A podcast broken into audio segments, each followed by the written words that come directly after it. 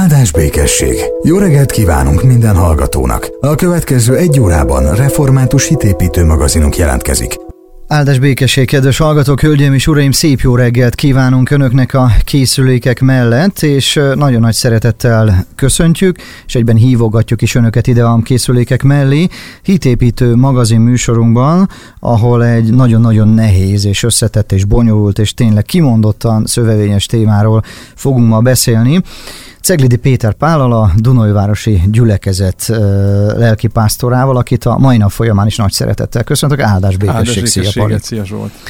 Na hát adáson kívül egész hosszasan beszélgettünk sok-sok mindenről, de mikor megjöttél ide a rádió stúdiójába, mondtam neked, hogy hát egészen bizonytalan voltam ebben a nehéz témában, hiszen egy rövid alkalommal egyszer már egy ilyen pármondatos megszólalásban foglalkoztam a témánkkal, amit még most nem árulok el, de hát nyilván majd azért ki fog derülni, és azért ott a hallgatóktól kaptunk hideget, meleget, észrevételeket, gondolatokat, sőt az sem titok, hogy a témában, amiről ma beszélgetni fogunk, a világ is nagyon megosztott. És volt bennem egyfajta aggodalom, aggodalmaskodás, hogy Kell nekünk erről beszélni ebben a Hitépítő magazin műsorunkban, és hát nyilván imádságban oda tettem ezt a gondolatot. És hát neked mondtam, akkor mondom a hallgatóknak is, hogy miből merítem a bátorságot, hogy egyáltalán ebben a témában gondolkodni merünk.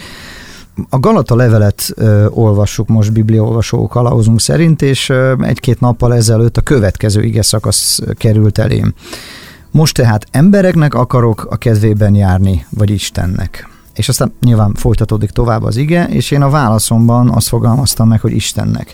És kérem a kedves hallgatókat, bocsássanak meg, hiszen az önök kedvéért készítjük ezeket a műsorokat, de mi mégis ebben a mai beszélgetésben Isten kedvében szeretnénk járni, hiszen olyan témát fogunk előhozni, ami egyébként aztán ráadásul talán lehet, hogy túl is mutat, hát az én képességeimen biztos, Hát itt a homoszexualitás, az LMBTQ program, a gender elmélet kérdése és sok minden előkerül majd ebben a mai témában.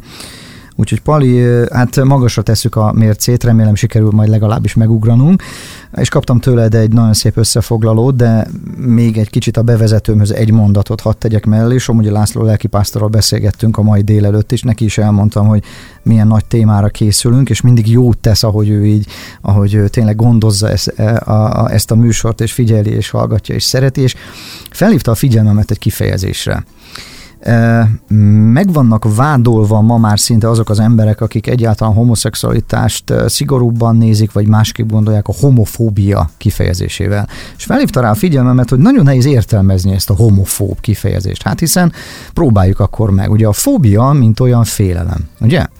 A homofóbiát, ha összetesszük, akkor emberféltésről beszélgethetünk, ugye? Én féltem embertársaimat egy picikét. Féltem attól a problémától, amit lehet, hogy nem is tudnak a sátán zúdít rájuk. Tehát, hogyha szabad így fogalmaznom, akkor akkor ezt most kérem a hallgatók, hogy nehogy félreértsék, de én akkor azt mondom, igen, én homofób vagyok, de az szó szeretet értelmében szeretettel féltem embertársaimat attól a problémától, amit magukra húzhatnak. Igen, érdekes ez a homofóbiának a kifejezés, ez egyfajta ilyen műszó, Műsz, tehát ez így nem, persze, persze. Nem, nem létezik olyan régóta a, a köznyelvben, és ugye nyilván hát a különbözőféle fóbiákat, ezeket ugye ismerjük, aratnofóbia, a pókoktól való félelem, agórafóbia, a nyílt terektől való félelem, és ugye nyilván azok, a, azok az emberek, akik akik mondjuk azt, hogy konzervatívabban gondolkodnak a, a nemi identitás, a szexualitásnak a, a kérdésében, ők rájuk könnyen rá sütik ezt a bélyeget, hogy ők homofóbok, egyfajta félelemmel uh, állnak, viszonyulnak a, az embertársaikhoz, és hát úgy rettegnek tőlük, mint ahogy, mint ahogy igen, más igen. ember retteg a pókoktól, vagy, vagy, vagy mondjuk egy szabad tértől, és azért ezt én hadd cáfoljam, tehát a, a, a keresztényekben hát legalábbis bennem, és azt gondolom, hogy benned se egy ilyen beteges félelem munkál, amikor ezt a témát elővesszük, hanem éppen ellenkezőleg szeretet és féltés, aminek nyilván a tárgya az, az egyrésztről maga az ember, tehát a homo sapiens, hogyha ha, ha úgy vesszük mi, akik itt ülünk és itt vagyunk, A, a, a féltés és a szeretet viszont ugyanígy vonatkozik azok felé, az embertársaink felé, akik vagy a homoszexualitásban, vagy hát itt az LMBTQ, és akkor itt lehetne sorolni azokat a betűket, amikhez, amik ehhez így hozzácsapódnak, és a plusz jelet, tehát hogy magyarán azok az embertársaink, akiknek a szexuális identitásával, a szexuális énképével, a Biblia olvasatában problémák és gondok vannak. Így van, nagyon fontos, hogy mi most az ige fényében, a Biblia fényében próbálunk majd beszélgetni erről a nehéz témáról, de egy-két gondolatot azért tisztába kell rakni. Ugye a bekez, tehát abban az összeállításban, amit átküldtél nekem, abban a néhány oldalban, ugye a gender kérdéssel kezdjük te is megfogalmazod majd, én is utána kutattam, engedd meg, hogy egy idézzek egy mm. kézenfekvőbb helyről, tehát a Wikipédiáról, egy ember genderét nem csak a társadalom, hanem saját maga is meghatározza, azon keresztül, hogy ezekhez a szerepekhez viszonyul, mert hogy alapvetően arról van szó, hogy egyes megközelítések szerint tulajdonképpen a, a gender kérdés az a társadalmilag elvárt, vagy a, vagy a társadalomhoz igazított identitás kérdése.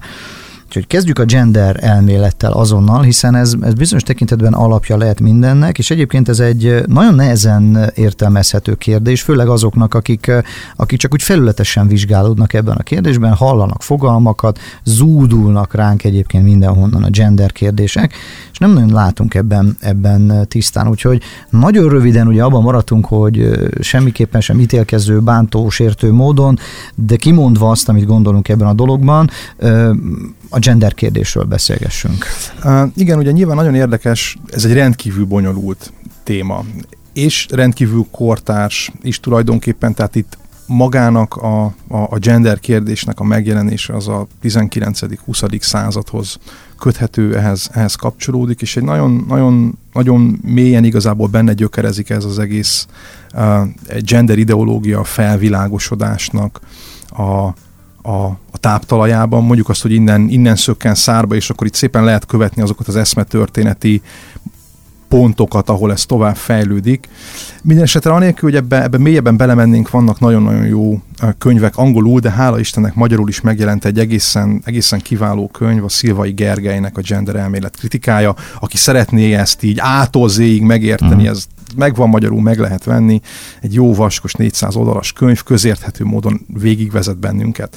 Mindenesetre ami, ami a lényeg, és azt gondolom, hogy itt tényleg zanzásítva ezt az egész dolgot egy-két mondatban, amit így kora reggel a rádió hallgatók így meg, megbírnak emészteni a reggeli kávé mellé, Igen. az azt gondolom, hogy nyilván mindenki előtt világos, hogy van egy, van egy biológiai nemünk, ez vagy férfi, vagy nő, hogyha belenézünk zuhanyzás előtt, közbe, utána a tükörbe, akkor ez ugye nyilvánvalóvá e, válik számunkra. Viszont ugye a, a gender ideológia, vagy a gender elmélet azt mondja, hogy tulajdonképpen, vagy hát mondjuk azt ennek a kisarkított 21. századi, vagy egészen kortárs változata, hogy, hogy tulajdonképpen a, a, nemiségünket azt, azt mi magunk alakítjuk, a társadalom maga alakíthatja, tehát tulajdonképpen a férfiasságunk és nőiességünk nincsen bebetonozva, Igen.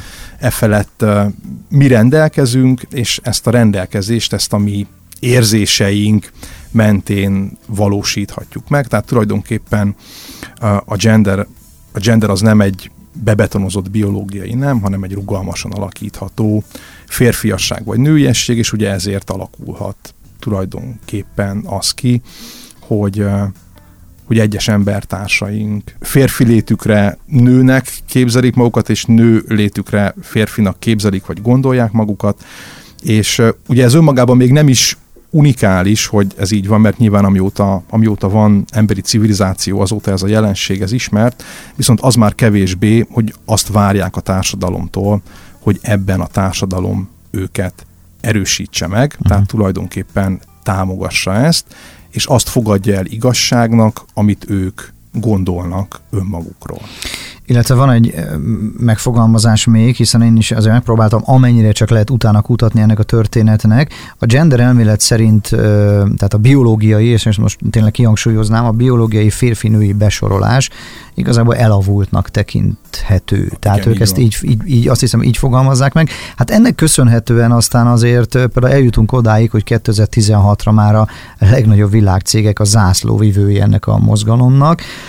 Találtam egy-két utalást ide is erre vonatkozóan, hogy ma már ott tartunk gyakorlatilag ebben az ügyben, hogy olyan WC-ket alakítanak ki bizonyos reptereken, ahol eldöntheti identitását harmadikként, tehát ugye se nem nő, se nem férfi, hanem harmadik WC-t használva, tehát ezt a ki kiválasztat ebben a történetben.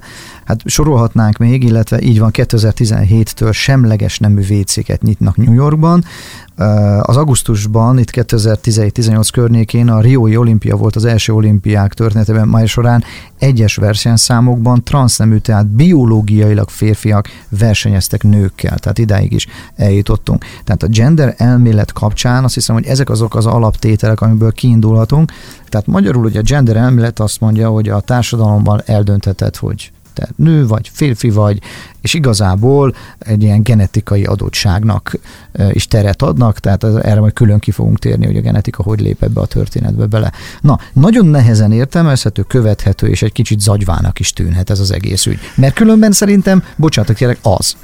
Hát tulajdonképpen azt, azt, azt mondhatnánk, hogy nyilván azért, azért nehezen érthető, mert mondjuk azt, hogy gyerekkorunk óta felnövünk egy valóságban és ugye nyilván ennek a valóságnak egy sarkatos pontja az, hogy férfiak vagyunk-e, vagy nők. Vagy nők, igen. Uh, és ugye nagyon sokan ezt a valóságot valóságként is értelmezzük. Majd megjelenik egy elmélet, ami egyébként nem a gyakorlatból nőtt ki, tehát hogy ez nem egy, nem egy gyakorlatorientált elmélet, ez nyugati egyetemeknek a, a bölcsész karán született, és ugye onnan szépen lassan beszivárgott tulajdonképpen az európai, meg a nyugati közgondolkodásba, itt gyökeret vert, és tulajdonképpen ennek a teljességgel tudományos jellegű elméletnek a, a megvalósulása az, amiről itt beszéltél, hogy különböző WC-ket, meg ilyen-olyan dolgokat e, nyitnak világszerte. Tehát nagyon érdekes, hogy valami hogy kerül ki egy teljesen akadémiai, elméleti közegből, e, tulajdonképpen búvópatak-szerűen beszüremlik a társadalomba, és itt elkezd dolgozni.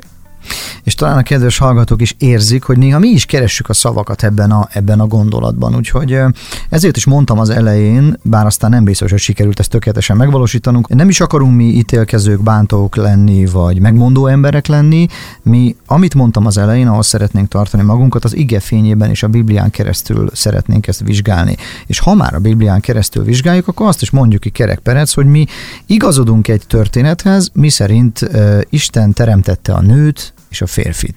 Mózes könyvében olvashatjuk ezt, és ez, ez a mi olvasatunkban egy alapkiindulási pont, és mi, mi ehhez próbálunk igazodni. A harmadik pontban azt fogalmaztad meg, és amit én is próbálok így előhozni, hogy miért is olyan nehéz erről az egészről beszélgetnünk, a homoszexualitás kérdéséről, úgyhogy engedjék meg a hallgatók, hogy innen folytatjuk ezt a mai egyébként nagyon-nagyon, vagy folytassuk ezt a nagyon-nagyon nehéz beszélgetést, de gyorsan már mondom az elején emberféltésből tesszük mindezt, egy kicsit átforgatva ugye a homofóbiát, mi nem félünk az emberektől, nem félünk egyébként azoktól, akik ezt vagy azt vallják, hanem féltjük őket. Uh-huh. És, és így szeretnénk segíteni a mi látásunk szerint a legnagyobb szeretettel. Szóval így folytatjuk majd így tovább. Folytatjuk. Tartsanak velünk a folytatásban is jó vételt, jó rádiózást. Áldás békesség! Jó reggelt kívánunk minden hallgatónak!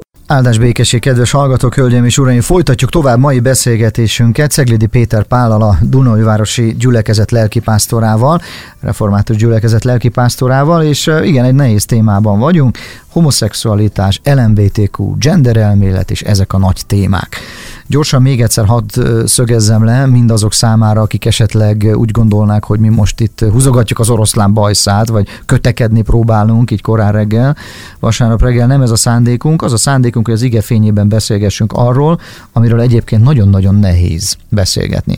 Pali, úgy búcsúztunk el az előbb, hogy azt ígértem a hallgatóknak, hogy a hármas pontot kibontod nekünk, én látom, hogy hármas pont, a hallgatók annyira nem, ezért segítek. Miért nehéz beszélni erről, beszélgetni erről a kérdésről?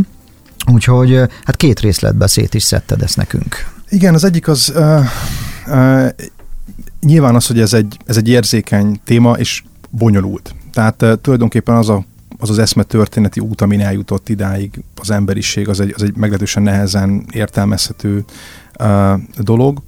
A, a másik pedig az az, hogy erős érzelmi húrokat pendít meg az emberekben, tehát tulajdonképpen az embereknek a, a húsába vág ez a kérdés. Kinek ezért, kinek azért, a pro-kontra tábornak azért egyaránt ez egy, ez egy lét- és életfontosságú kérdés, és pontosan ezért, amiért ez létfontosságú kérdés, azt gondolom, hogy azok a józanabb vélemények, amik, amik elhangzanak, sokszor sokszor nem hangzanak el, vagy, vagy félve hangzanak el, mert hogy rákerül tulajdonképpen az emberekre az ítélkezésnek a bélyege. Tehát ezeket nyilván le kell küzdenünk, és, és nagyon jó, amit hoztál a Galata levélből, hiszen mi Istennek tartozunk elszámolással, és nem, nem az embereknek, legfőképpen pedig nem az emberek aktuális igényeinek, vagy aktuális érzéseinek.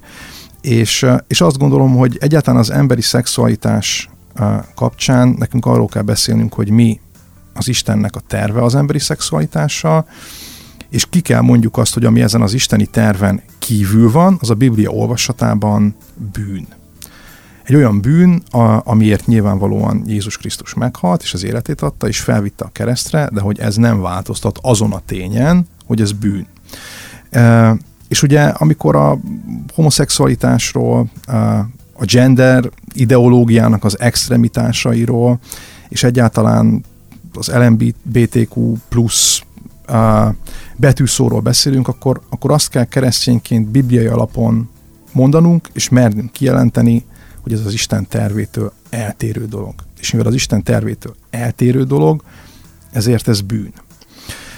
És ugye nyilván ezen a ponton nagyon, nagyon sok embernek görcsbe rándul a gyomra. Nyilván aki, aki ebben, a, ebben él, annak, annak azért rándul görcsbe a gyomra, mert őt valaki, aki nem ebben van, tehát egy fehér heteroszexuális férfi bűnösnek nevezi, ugyanakkor meg nyilván az én gyomrom is, meg bizonyos értelemben a te gyomrod is, meg nagyon sok uh, Biblia szerint gondolkodónak, gondolkodó embernek a gyomra is görcsbe rándult, van egyfajta félelem ebben, mert hogy nem tudjuk, hogy 5-10-20-30 év múlva ez a világ merre megy, és az esetben egy ilyen rádió beszélgetés, amit itt folytatunk, és egy ilyen mondat majd milyen hatással lesz az én életemre, meg a te életedre, meg tudja egyáltalán ennek az egész műsornak az életére. Tehát egy nagyon, nagyon, nagyon nehéz talajon állunk. És ugye nyilván az a kérdés, hogy miért mondja a keresztény ember bibliai alapon, vagy miért kell a keresztény embernek bibliai alapon azt mondania erre, hogy bűn. Tehát ez, a, ez szerintem ez a,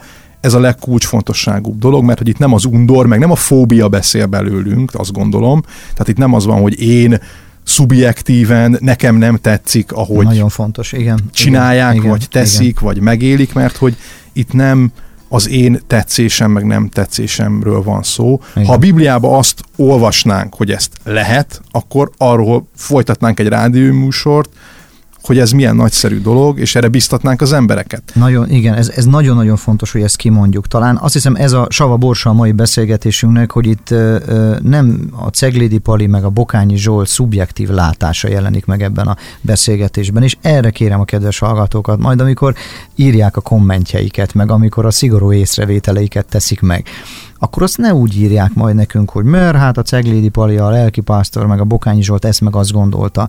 Gyorsan szögezzük le, a Biblia mutat nekünk utat. A Biblia fényében beszélgetünk. Azért is kezdtük ebben a Galata idézettel, hogy Istennek szeretnénk megfelelni, és a Biblia szerint szeretnénk, és próbálunk tapogatózni, mert azt hiszem, hogy ez csak ilyen tapogatózás, és Isten vezet bennünket, úgyhogy igen, ez nagyon fontos, Pali, és nagyon örülök, hogy erre kitértél, hogy ez egy nem szubjektív. Ez nem szubjektív, objektív, tehát ez, ez, a, ez a mi objektív írásolvasatunknak az eredménye, és nyilvánvalóan én azt gondolom, hogy egy, egy ilyen műsor, meg egyáltalán a, a keresztény lelki vezetésnek arról is kell szólnia, hogy a fele barátainkat nem csak Jézushoz vezetjük, hanem ezzel párhuzamosan eszközöket adunk a kezükbe arra nézve, hogy hogyan tudnak reagálni egy-egy, egy-egy olyan aktuális kérdésre, ami körbe veszi őket és nem tudom, hogy te, én nem vagyok egy nagy pingpongos, de, de ugye vannak, vannak olyan szervák, amiket így majdhogy nem lehetetlen visszaadni, Igen. legalábbis nekem, és ugye nyilván az a jó, amikor,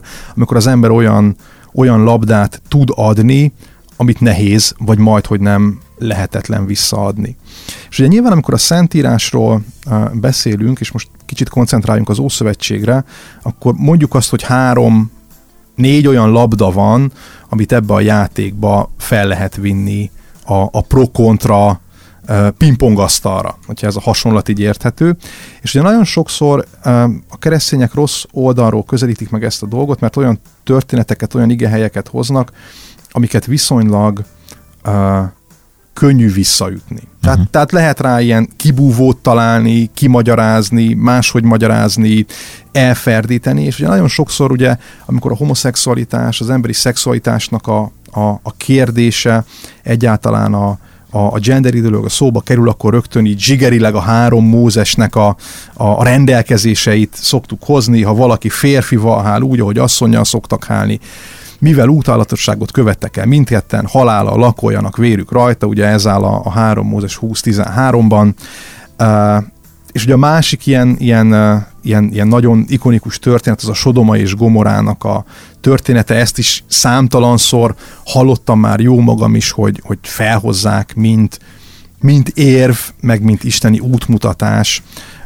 ezek ellen a szexuális mondjuk azt, hogy bűnök ellen. De én azt gondolom, hogy nem biztos, hogy ezek a legjobb igék arra, hogy, hogy egy keresztény ember érveljen emellett. Ezekkel is lehet érvelni, de, de nyilván itt azért az, az új szövetség fényében mondjuk egy három mózesi igét nem lehet és nem is szabad alkalmazni. Amit viszont szabad és lehet is, azt gondolom, hogy alkalmazni, az a teremtési rend. Tehát ahogy te is mondtad, a, a Mózes első könyvében az első részben ugye Isten azt mondja, hogy alkossunk embert a képmásunkra, megteremtette Isten az embert a maga képmására, Isten képmására teremtette, férfivá és nővé teremtette. És pont. pont. Igen. Tehát itt, Igen. Itt, itt történik egy pont. Itt Igen. vége, hogy az Isten ezt nem, uh, nem teremtett még harmadikat, Igen. Uh, és ami nagyon fontos... Hogy Hadd mondjam úgy, bocsánatot kérek, nem teremtett semleges WC-t. Nem teremtett Ugye? semleges WC-t, nem teremtett semleges WC-t, és ami nagyon fontos, hogy ez egy teremtési rend. Tehát az Isten, amikor megalkotta az embert, akkor nem teremtett két semleges lényt, akit aztán megkérdezett, hogy akkor te most férfi szeretnél lenni, vagy nő szeretnél lenni. Hanem ő teremtette egy rendet, és ebben a rendben ő kijelölte az egyes nemi szerepeknek a helyét is tulajdonképpen. És ugye ez az egyetlen egy olyan momentuma a teremtés történetre, mindegyikre azt mondja, hogy jó, jó, jó, de erre a rendre, tehát az ember teremtésére, erre a napra használja az írás azt, hogy igen jó. Tehát igen. ez egy hatványozottan jó, hogy így van. Ez a rendje, ez a teremtési rendje a dolgoknak. A teremtés rendje, a teremtett rend, amitől egyébként az egész világ valahogy azt látjuk, azt érezzük, bibliaolvasók, nem bibliaolvasók is megfogalmazzák mindezt egyébként, csak egy, talán egy kicsit másképp, de mindannyian ugyanarra mutatunk, hogy mikor azt mondjuk, hogy valami nincs rendben a világban, amikor a bibliaolvasó ember azt mondja, hogy a teremtett rend kezd felborulni, akkor ezt látjuk. Jó pár héten keresztül foglalkoztunk a sátán hazug hazugságaival emlékszel rá, és nyugodtan kimondhatjuk, hogy a homoszexualitás körül, itt az említett témakörök körül is, ott körüllengez egészet a sátán nagy hazugság elmélete. Nem fogjuk most felidézgetni azokat a beszélgetéseket, vissza lehet hallgatni őket egyébként a, a rádió YouTube csatornáján, és nem sokára majd, illetve podcast felületeinken, Pali a tiéden is, és a saját podcast oldalamon is. Ma másról beszélgettünk, mert az időnk elszalad, de majd folytatjuk akkor a jövő héten tovább. Viszont azt azért mondjuk ki, hogy a teremtett rendet látjuk felborítani. Talán zárjuk akkor, vagy felborulni, ugye? Tehát zárjuk ezzel ezt a mai beszélgetést, és innen folytatjuk majd tovább, és még egyszer hát elnézést kérünk azoktól a hallgatóktól, akiknek kicsit úgy néha alkadozó, bizonytalan mondatokat sikerül csak továbbadnunk, mert ez egy ilyen nehéz téma, tehát nem olyan könnyű ebben megnyilvánulni, ezért kapaszkodunk az igébe görcsösen, ezért hívjuk az Úristent segítségül, ezért merjük megfogalmazni egyébként a végén, hogy a teremtett rend látszik felborulni, Isten teremtési rendje, aki megteremtette a nőt, és megteremtette a férfit. És ezzel nem szállhatunk vitába. Pontosabban vitába szállhatunk vele, megtörténik ez ma a világban, csak akkor felborul a rend. Felborul a rend, és végül is a felborult rend maga a bűn. Tehát amikor az isteni rend felborul, az egyenlő a bűnnel magával. Így van. Na, ettől a ponttól folytatjuk tovább, pontosan egy hét múlva. Köszönjük szépen a figyelmet. Én azt remélem, hogy sikerült felcsigázni a, az érdeklődést, és akkor itt lesznek velünk nagyon-nagyon sokan a jövő héten.